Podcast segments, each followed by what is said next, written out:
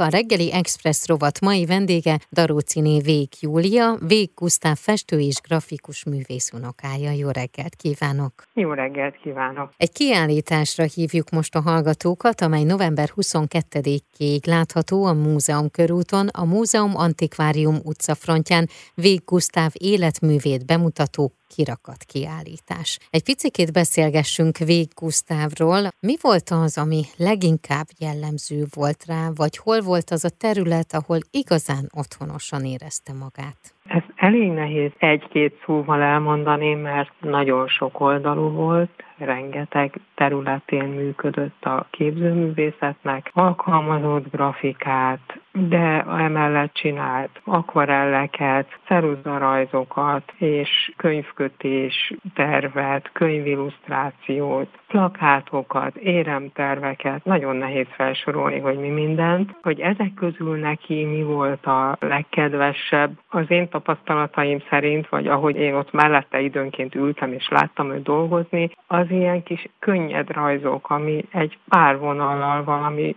valami csodát eredményezett, a többi az a pénzkereset volt. Uh-huh. Sokoldalúságát azt olvastam, különösen a két világháború között az alkalmazott grafikában kamatoztatta Vég Gusztáv. Ez mit jelent? Hol jelentek meg az ő munkái? Hol találkozhatott vele az akkori közönség?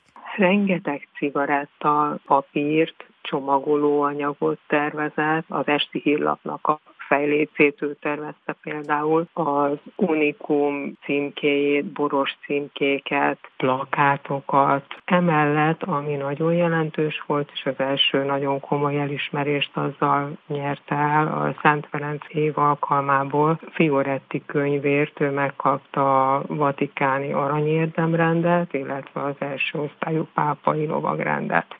Hú, hát rengeteg kiállítása volt, már egész fiatal korától kezdve, 1924-ben ő Párizsba élt a 20-as évektől kezdve kisebb megszakításokkal. A világ legkülönbözőbb részein volt a 20-as évek, 30-as évek között szinte minden évben kiállítása. Volt önálló kiállítása is, több, de részt is vett kiállításokon, és volt például egy olyan kiállítása Párizsban, ahol a műcsarnokban kizsűrizett képeit állították ki óriási nagy sikerrel. Érdekesség volt, hogy ami itt Magyarországon akkor nem aratott sikert, azzal ő Párizsban nagyon nagy sikerrel szerepelt, és a következő évben volt egy önálló kiállítása is ugyanott. Illetve volt még olyan, amikor nagy díjat is nyert egy-egy munkájával.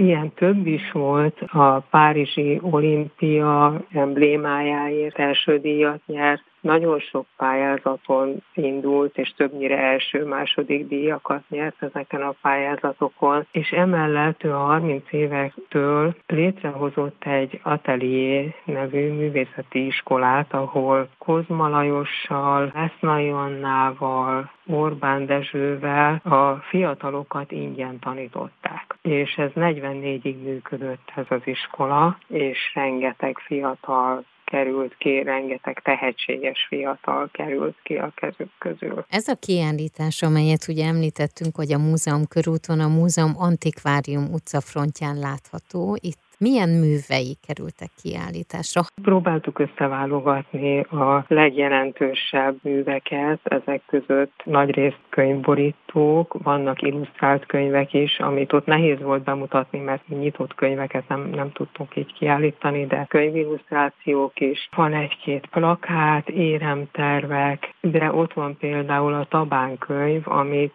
ő a most már nem létező Tabán városrész bejárásával rengeteg kis utcarészletet lerajzolva állított össze, és visszaadta ennek a városrésznek a nagyon jó hangulatát. És akvarellek, és egy érdekes dolog, mert elkalandozott más irányba is, és például csinált egy-két vázát. Oh. És az egyik uh-huh. nagyon aranyos kis váza, és ott az megérdemli, hogy ott megjelenjen a kirakatba, úgyhogy van egy ilyen is. Az ő életművét ki gondozza? A család, vagy esetleg már valamelyik melyik múzeum megkapta ezt? Az életművét még a halála előtt, illetve a műveinek a nagyon nagy részét a Nemzeti Galériának ajándékozta a 60-as évek vége felé, azzal a feltétellel, hogy a galéria fog majd ezekből egy kiállítást rendezni, hogy ez megtekinthető legyen. Sajnos ez a kiállítás azóta se jött létre, de az életművének a nagy része az valahol a galériában lelhető fel,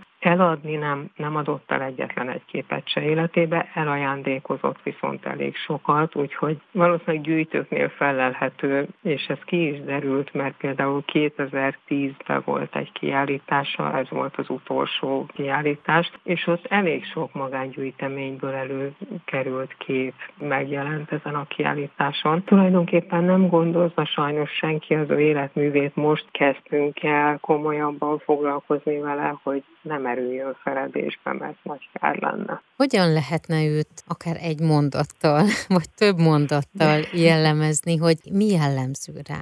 rendkívül szorgalmas és termékeny művész volt, hihetetlen könnyedséggel bánt a ceruzával, ecsettel és bármilyen más eszközzel. És ezt én tapasztaltam is, mert, mert volt, hogy ültem mellette ebédnél, előtte volt egy darab papírszalvéta, és egy pillanat alatt három-négy vonallal valami olyan csodát tudott arra a papírszalvétára alkotni, és ez, ez volt rá jellemző. És a precizitás volt az, ami, hát az már nyilván az alkalmazott grafika területén. Olyan eljutott esetleg, hogy mennyire volt nehéz neki alkotóként, vagy mennyire élte meg azt, hogy nehéz az ő életében alkotnia? Nem, nem, ő ezt soha nem nehézségnek, ezt végtelen szakma szeretetnek és alázattal és Hát ez volt az életem. Mhm. Illetve hát emellett ő még nagyon sok képzőművészeti szervezetnek volt elnökségi, vezetői tagja, alapítója, ami én nem is tudom, hogy hogy fért bele az ő életében, mert szinte felsorolhatatlan, hogy a háború után hány szervezetben tevékenykedett, és hát emellett a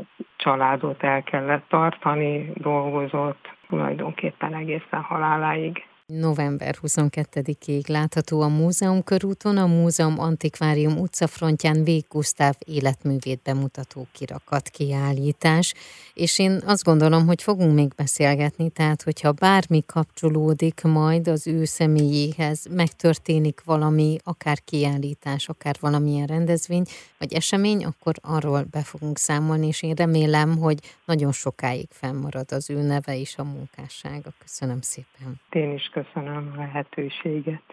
A reggeli Express rovat mai vendége Daróciné Vég Júlia volt, Vég Gusztáv festő és grafikus művész unokája.